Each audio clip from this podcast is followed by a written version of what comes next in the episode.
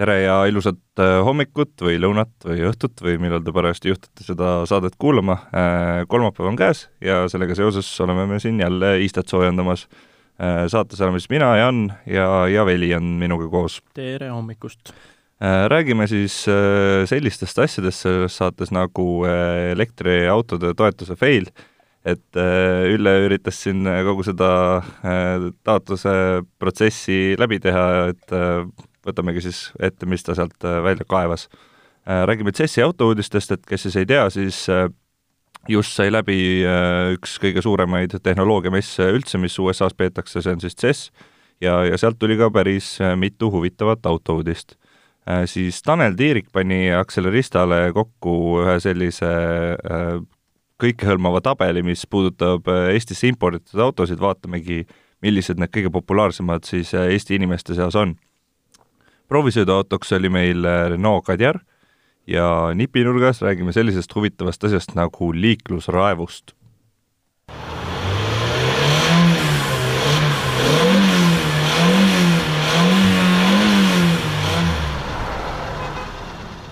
alustame siis äh, elektriautode toetuse case'ist ja, ja natukene siis äh, räägin taustaks, mis, mis see elektriautode toetuse see taotluse esitlus üldse on. ühesõnaga, seitsmeteistkümnendaks jaanuariks kella üheksaks peab olema see taotlus esitatud nendel, kes siis äh, tahavad seda elektriautot endale osta ja see puudutab siis ainult äh, hetkeseisuga äh, füüsilisi isikuid, ehk siis äh, tavalised inimesed neid äh, osta ei saa äh,. See taotlus on vaja esitada seal KIK-i ehk siis Keskkonnainvesteeringute Keskuse elektroonilises taotluskeskkonnas äh, ja, ja huvitav on see, et neid hakatakse läbi vaatama siis esitamise järjekorras. ehk siis äh, põhimõtteliselt äh, kes ees, see mees, et äh, tuleb enda taotlus kiirelt ära teha ja, ja kiirelt ära esitada, et äh, siin on välja toodud ka mõned asjad, mis seal olemas peavad olema. Äh,, muidugi paberimajandust on nagu hulgaliselt, aga üldiselt on, mitmed asjad on nagu sarnased sellele, mis tavapärasel auto ostul nagunii on vaja ära teha ehk siis äh, esitada on vaja see auto müügipakkumine äh,, siis äh, liisingu pakkumine, aga samas on ka veel muud spetsiifikat, näiteks tüübikinnitused ja ettevõtte asjad, ehk siis majandusaasta aruanne ja veel mõned spetsiifilised kinnitused, näiteks kui on plaan osta kolm või rohkem sõidukit. ja, ja ühesõnaga ma kogu seda asja vaatasin ja, ja tunduski, et neid piiranguid on nagu väga-väga palju, näiteks äh, on vaja samamoodi kinnitada, et äh, ei hakata nende autodega kaupasid vedama raha eest ja, ja mingeid niisuguseid muid äh, huvitavaid kinnitusi. No lisaks muidugi ka see, et nad tahavad panna külge GPS seadme asukoha jälgimiseks, et oleks ikka kindel, et sa sõidad selle autoga nelja aasta ei, tegelikult saab, tegelikult saab ka ilma GPS-ita no, aga siis pead suvalisel ajal kohal käima. käid ja näitad ette. ja, ja ühesõnaga äh, kokkuvõtlikult äh, Ülle, kes selle kogu protsessi läbi tegi äh,, kuna ma seda lugu lugesin, siis tundus, et ta nagu ise oli ka selle käigus vaikselt hullumas, kuigi ta esitas siis ainult selle taotluse nii-öelda näiliselt, vähemalt praegu pluss äh, see, et tal on projekti kirjutamise kogemust just. Äh, eelnevalt ikkagi palju, et noh, korralik projekti kirjutamine, see, see elektriauto ostutoetuse taotlemine on ja lõppkokkuvõttes on see küsimus, et kas see viis tuhat eurot siis, mis sa sealt saada võid maksimaalselt, et kas see tõesti on seda väärt, kuigi samas päris mitmed nendest dokumentidest tõesti, nagu sa ütlesid, sa niikuinii pead nad, äh, peaksid nad hankima, ja need on tihtilugu sellised elementaarsed asjad, et neid ei ole tegelikult raske tekitada, et jällegi tundub, et niisugune üks korralik ühe, korraliku ühe-kahe päeva jagu sellist dokumentide kokkukogumist ja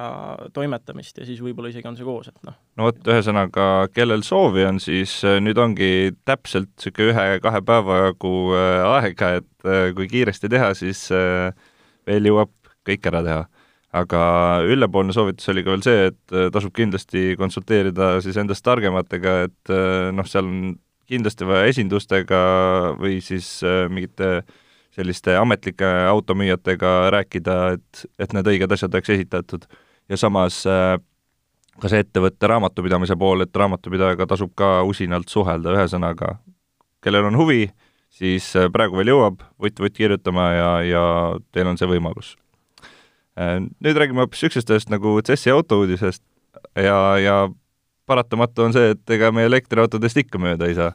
et üks kõige suuremaid uudiseid CES-il oli uus Nissan Leaf, mis on siis selline crossoveri moodi, et see crossover ikkagi on see trend, mida inimesed praegu tahavad ja, ja Nissan läheb selle asjaga kaasa Äh, ja sellega peaks siis saama sõita kuni viissada kilomeetrit, äh, nelisada kaheksakümmend oli vist tegelikult, ühe laadimisega. Äh, sinna kõrvale veel see Fiat Chrysler plaanib põhimõtteliselt Jeepi ära elektrifitseerida, kokku siis kolm elektrimudelit ja pakub veel ühte elektrilist Fiati. ühesõnaga, nagu näha, siis see elektriauto ikkagi olnud, on vist tulnud, et jääda, on ju tundub jah, ja see noh, äh, jällegi just hiljuti siin sai ette võetud äh, pikk tõlge Volvole, kus on ka kogu see nende plaan näiteks. et samamoodi see elektrifitseerimine siin väga noh, kui sa oled suurem autotootja ja tahad pildis püsida, siis sul ei jäägi muud üle, et alustada selleks, sellest, et äh, hakkad vaikselt otsapidi hübriididele üle minema ja siis juba otse elektriautodele, et, et kui ma nüüd õigesti mäletan, siis Volvol oli vist plaan, et aastaks kaks tuhat nelikümmend, nad ei toodagi muud kui elektriautosid. ja siin väga kiiresti juba mõne järgneva aastaga lähevad üle sellele, et äh, fifty-fifty on äh, kas siis hübriidajamiga autod ja elektriautod või äh, noh, ja siis ülejäänud pool on ainult sisepõlemismootoritega autod. et noh, sama, sama tendents ilmselgelt siin lihtsalt Fiat Chrysler jõudsid natukene hiljem siin pilti selle väljatulekuga jah, üks, äh, üks väga populaarseid autosid veel, mida tutvustati, oli äh, Sony auto, aga, aga sellega ma võin juba praegu kohe öelda, et äh, Sony on öelnud, et nemad autosid tootma ei hakka ja nad tegelikult ka seda autot ei, ei tootnud, vaid see tehti hoopis seal äh, Austrias seal Magna tehases valmis ja nemad põhimõtteliselt teevadki siis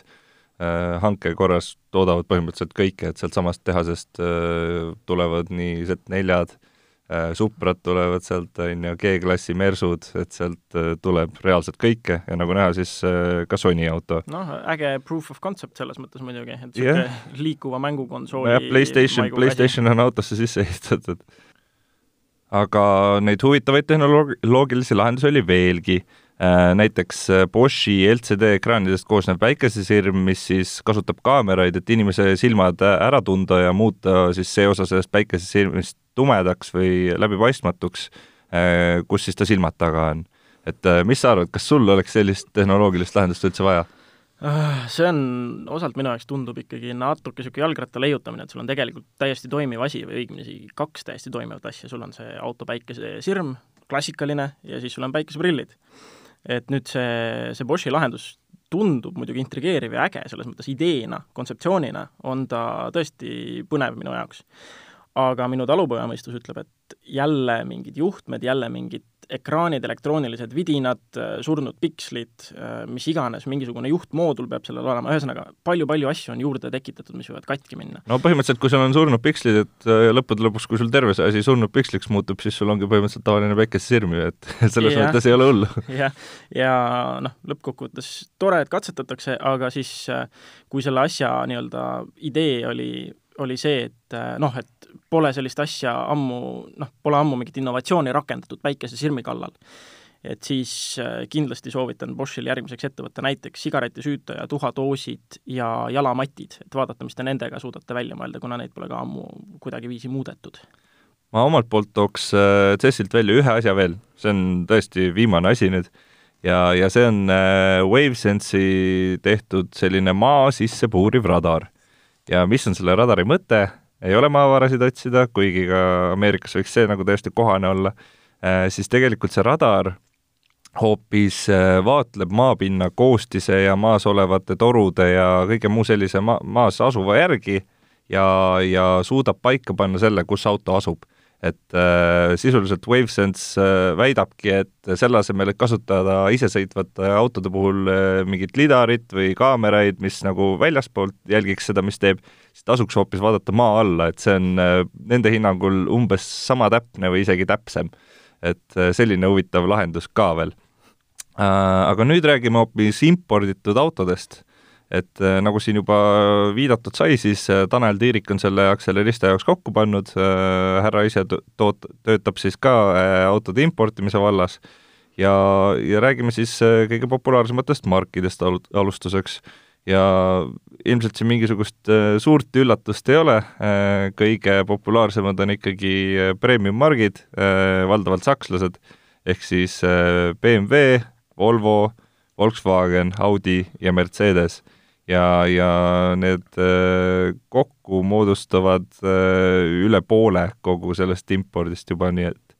et selles mõttes on ikkagi näha, et äh, eestlased on äh, tugevalt Saksa auto usku jätkuvalt veel, kuigi meil siin äh, kõige, kõige populaarsemad uued müüdud autod on ikkagi täiesti teised autod, ehk siis ehk siis on näha, et äh, sakslast too mujalt ja, ja kõike muud võid osta kodumaalt äh,. Kõige popim mudel, Volkswagen Passat loomulikult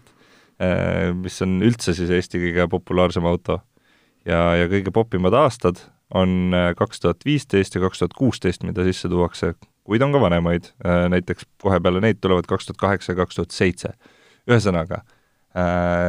tundub, et see, mida eestlane tahab osta, on, on see liisinguperioodi ära lõpetanud või, või värskelt lõpetamas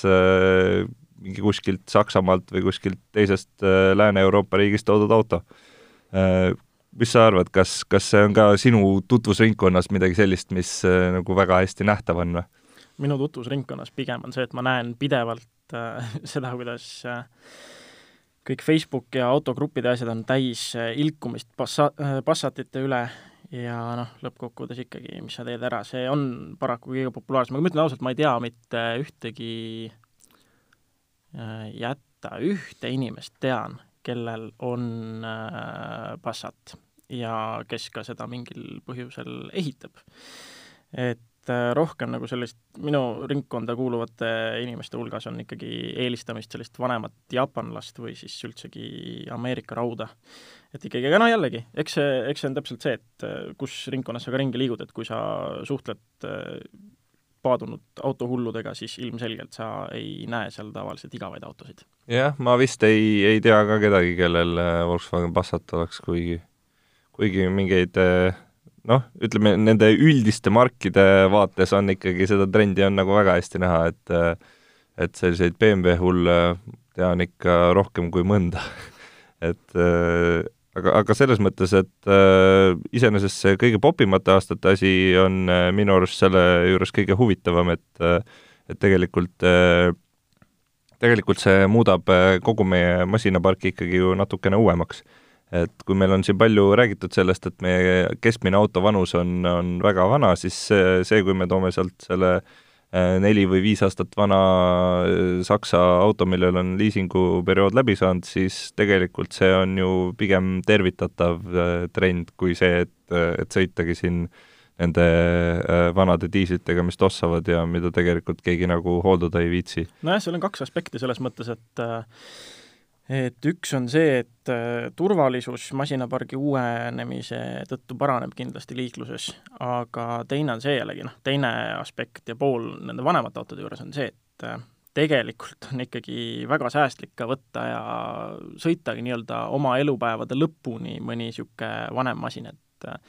kuniks see on õige inimese käes, kes suudab seda korras hoida, mitte ei ignoreeri igatepidi selle turvavarustust ega noh, mis iganes varustust nüüd, kui päris aus olla. et siis see on ka igatahes tervitatav, et see, see masinapargi vananemise demoniseerimine ei ole minu arvates päris õiglane. pigem on, äh, vajavad demoniseerimist inimesed, kes ei hoolitse oma autode eest, et vahet ei ole, et kas sellise inimese käes on kakskümmend aastat vana auto või kaks aastat vana auto, fakt on, et sellise inimese käes on mõne aastaga selline auto väga ohtlik juba jah, ma olen nõus, aga, aga samas ma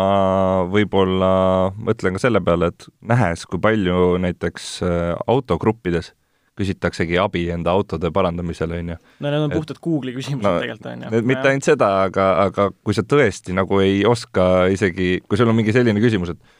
äh, mootorituli põleb, et äh, mis nüüd, mis, mis autol viga on, mingi niisugune küsimus et äh, need inimesed tegelikult peaks kõik autod viima kuhugi, kus äh, keegi nagu oskab sellega midagi peale hakata, mitte hakkama sellist äh, autot ise remontima, et sorry, aga kui sa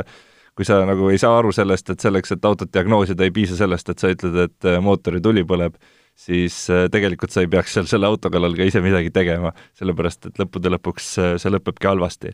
ja olenemata sellest, kas tegemist on siis kahe tuhande kuueteistkümnenda või tuhande üheksasaja üheksakümne kuuenda aasta autoga, see lõpeb ikkagi mhm. halvasti. Vot, et selline on see äh, minupoolne kokkuvõte sellest teemast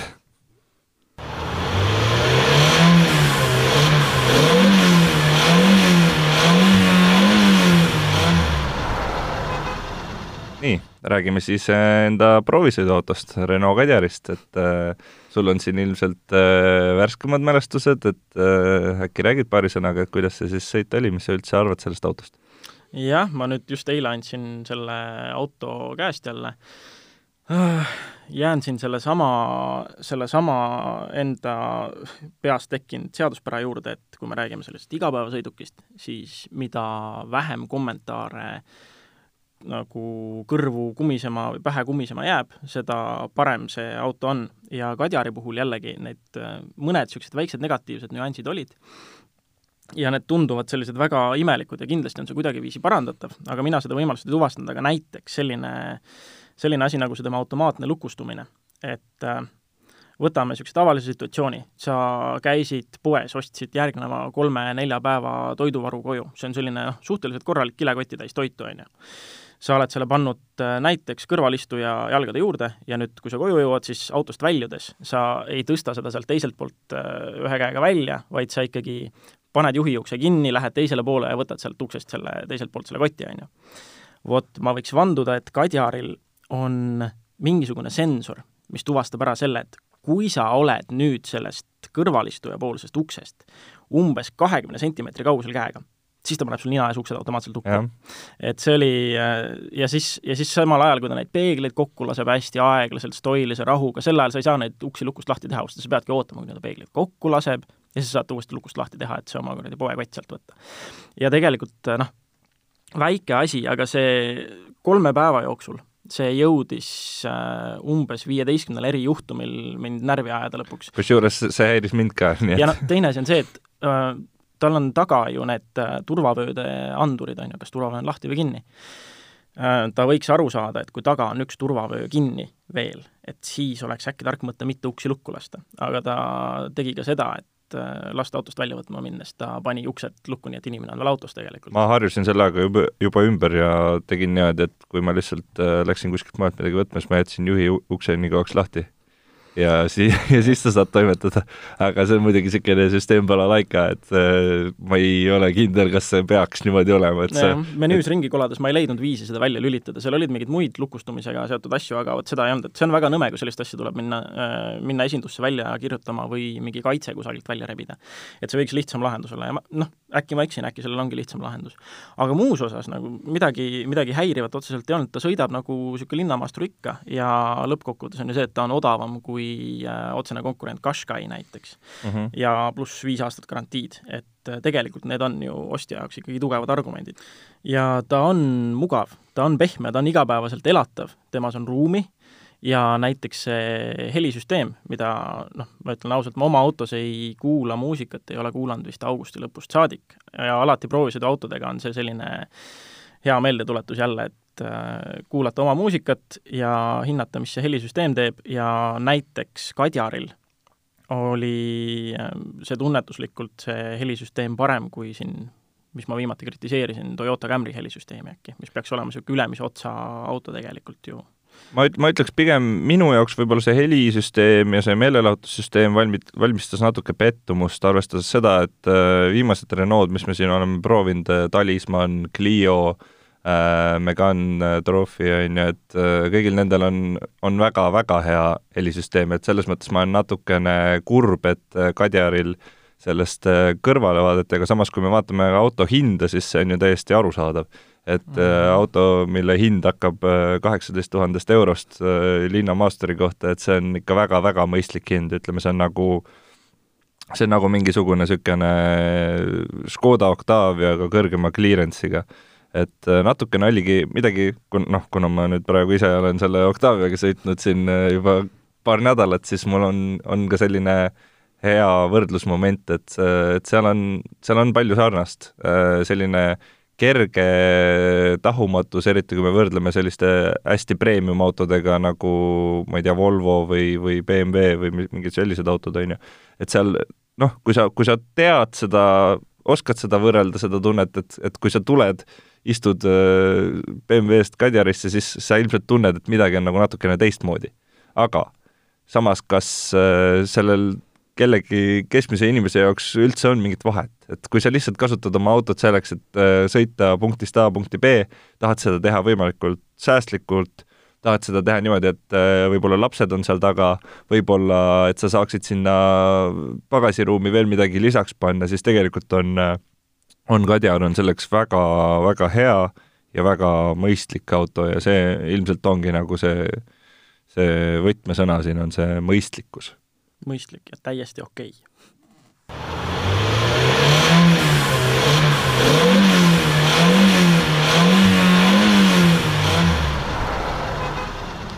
ja nüüd me otsustame tegeleda sellise äh, masohhismiga, et natukene üritada iseennast äh, närvi ajada või, või äh, raevu ajada. Räägime liiklusraevust ja see on siis meie nipinurga teema, et alustuseks me räägiksime natukene huvitavamal, huvitavamas vaates sellest ja äh, Heli, räägi mulle, mille peale sa üldse liikluses raevu lähed või, või kas on mingid sellised asjad, mille puhul, või kas sa üldse lähed liikluses raevu? ma pean ennast lõppkokkuvõttes ikkagi suhteliselt rahulikuks juhiks, kes äh, oskab arvestada juba ette sellega, et teised liikluses võivad teha lolluseid. aga reaalselt sellist, ma olen vist ühe korra maininud, maininud juba varem ka saates situatsiooni, mis tõesti ajas kopsule maksa ja see oli äh, see oli Järvevana teel selles pudelikaelas tipptunni ajal, äh, kaks sõidurada, on ju, lähevad pudelikaelas üheks kokku, seal on see, äh, mis selle nimi nüüd oligi, tõmblukk mm. -hmm. Aga juba kusagilt äh, poolel teel sealt Ülemiste ristmikult kuni sinna pudelikaelani, ütleme Järvevana tee poole peal, oli üks Land Cruiser kahe sõiduraja vahel lihtsalt hoidis vasakut sõidurada kinni et keegi jumala eest mööda ei läheks, sellepärast et noh, ilmselgelt Länkari mehe arvates olid need, kes sealt mööda lähevad, ennast täis jobud, kes ei peaks seda saama teha, aga reaalselt selle situatsiooni teeb nii lolliks see, et äh, kui nüüd mõelda natukene laiemalt, siis see üks inimene pani kogu selle pudelikaela läbilaskvuse noh, ütleme sealt juba ta, ta sulges lihtsalt viiskümmend protsenti kasutatavast Järvevana teest, nagu sellest nii-öelda pinnalaotusest, mis suudab mahutada autosid, see tähendab, et ummik tema selja taga läks tõenäoliselt üle Ülemiste ristmiku, Sõjamäe teele välja, laienes Tartu maanteele, äh, mõlemas äh, noh, siis äh, suunas, suunaga linnast välja, on ju tõenäoliselt ju-, jõudis see ummik ringiga tagasi ka sinna Järvevana tee peale, see sild, mis on ju, läheb äh, üle Peterburi teeks ja noh, kogu see, ühesõnaga, ta tekitas korraliku clusterfuck'i seal kogu enda ümber ja ma arvan, et kollektiivne ajakaotus, mis see üks idioot põhjustas, oli sadadesse tundidesse. et kõik pidid selle ühe inimese arvelt lõppkokkuvõttes seal, seal selle tuiksoone ümber ootama kauem, et õhtuks koju või kuhu iganes jõuda. et ühe inimese lollus ja siiamaani see situatsioon tuleb mulle meelde ja ma mõtlen, et kurat, kes need inimesed on, kas nad nagu, kas nad ei suuda mõelda kaugemale sellest, et ahaa, nüüd ma ei lase kedagi mööda, sellepärast need on jobud. tegelikult ta ei, ta ei mõista vist, mis nagu tema tegevuse niisugune laiem, laiem mõju on. et see on üks situatsioon, mis mul siiamaani, kui keegi küsib, et kas ma olen millegi peale viha, vihaseks läinud liikluses, siis see on see üks situatsioon, mis mulle meelde tuleb. ainult üks? Äh, ma üritasin nagu endal mingisugust sellist äh, nimekirja koostada ja ma mingi hetk andsin lihtsalt alla, sellepärast neid asju oli äh, liiga palju. no eks neid on ikkagist trügivad vahele, aga noh seal... ei, ma ei, mul, mind sellised asjad üldse ei häiri, mind, mind nagu häirivad pigem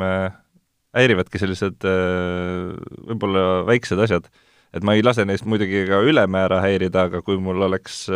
variant need ära kaotada, siis ma teeks seda. näiteks suunatulede kasutamine mm. -hmm. näiteks see, et äh, Eestis on täiesti okei okay,, kui sa sõidad äh, ütleme, äh, siis mitmerealisel sellisel kiirtee moodi teel ja sõidadki seal kõige vasakpoolsemas reas lihtsalt lambist ilma mingisuguse põhjenduseta, et sa ei tee kellestki mööda sõita, aga sa lihtsalt otsustad, et kuule, et võiks sõita seal kõige kiiremas reas mingil põhjusel. et selline asi ajab mind närvi siis samamoodi mind ajab närvi seesama tõmblukkude mittekasutamine ühesõnaga, väga palju asju, aga äh, ma räägiks natukene sellest nagu sellisest filosoofilisest äh, filosoofilisest mõttest seal taga ja, ja see on see, kui ma kunagi hakkasin sõitma üldse, siis äh, ma tegin hästi palju äh, sõitu enda isaga ja ma mäletan, ta meenutas mulle sellist asja, mis ta, mida ta ise järgib, et äh, liikluses eelda alati, et kõik on idioodid. Et äh, see on äh, mingis mõttes see, mis tõrjub seda liiklusraevu, kuna see on selline üldine, ongi üldine filosoofia, et kui sa lähed madalate ootustega peale, siis äh, sa üllatud positiivselt, kui midagi on ka hästi. mitte vastupidi, et sa, et sa ei lähe nagu kurjaks selle peale. et see on ka, see on ka võib-olla minu soovitus, et tegelikult selleks, et mitte liiklusraevu minna või tunda ennast hullult halvasti iga kord autoroolis, siis äh, üritage võib-olla just märgata neid, neid inimesi, kes õigesti teevad asju. et tegelikult on, äh, on, ma, ma küll panen tähele, kui keegi näiteks äh, näiteks äh, tänab äh, siis, kui -hmm. sa ta vahele lased või, või kui keegi kasutab äh, korrektselt suunatulesid ja kõike sellist asja, et see on, tegelikult on, on, ongi mingi, mingi selline minu, minu selline mõttemaailm, mille järgi ma püsin rahulik. sul on ka mingeid trikke inimestele jagada? Eh, mul on niisugune klassikaline trikk, et äh, mingeid lolluseid liikluses ei tee, kui keegi, keegi omakorda, noh, kui keegi omakorda midagi lolli teeb ja sinu nii-öelda õiglustunde pihta käib, siis äh, ei ole mõtet ise mingi lollusega vastata, mina tavaliselt kirun korra omaette, et kurat, kas see peajalgne oli tõesti kõige kiirem spermatosoid ja sellest juba piisab, juba läheb tuju paremaks ja kõik on hästi aga üks asi veel, mis mulle meenus siin, kui sa rääkisid, oli see, et et tõesti, mis mind häirivad ja ainuke asi, mida ma liikluses mõnikord äh, võtan voliks teha äh, ja kelle käitumist natukene nii-öelda uuesti maa peale tuua, on need, kes äh, ristmikutel bussirajalt paremalt foori tagant üritavad mööda kiirendada mm. -hmm. et just need, kus bussirada läheb mingi mõnisada või noh, sada, sadakond meetrit ja nad üritavad ja. sealt mööda lõigata. et vot nendega tihtilugu on see, et äh, jällegi, kui, kui ma näen, et ta on kusagilt äh, just keeranud vahele ja tal ongi tõesti nagu täiesti mõistlik põhjendus tulla ja proovida, et ta muud moodi ei saa, et ristmik oli, on ju, lukus juba ees ja ta kusagilt keeras sinna tee peale ja ta peab lihtsalt vaikselt vahele reastuma, fine, ma märkan selle ära, ma lasen nad vahele. aga kui see on keegi, kes tuleb lennuga kusagilt sellest samast ootavast reast, tuleb sinna bussirajale minu kõrvale ja hakkab tõmblema ja juba natuke enne foori roheliseks minekut seal nõksutab siduriga siis tavaliselt ma teen meelega seda, et ma lihtsalt hoiangi ennast paralleelselt nendega, kuni see bussirada otsa saab. et noh, siis nad jäävad sinna ootama, aga jällegi, võib-olla see muudab nende teguviisi, et nagu miks, miks tulla ja lõigata paremalt mööda, mis te üritate siin saavutada, jõuate paar autot ettepoole. Et see on selline asi nagu niisugune, jällegi täpselt niisugune, mis natukene õiglustunde pihta käib, et oota siis teistega. sa kannatad ära, kui sa oled reas viies auto, siis sul ei ole vaja nendest ees, esimesest neljast autost nii väga mööda suruda, kui eespool niikuinii ummik jätkub. No vot, ühesõnaga kannatlikkust kõigile, kannatlikkust ka Velile edaspidi tundub vaja, et äh, sõitke siis rahulikult ja turvaliselt ja kuuleme juba järgmisel kolmapäeval uuesti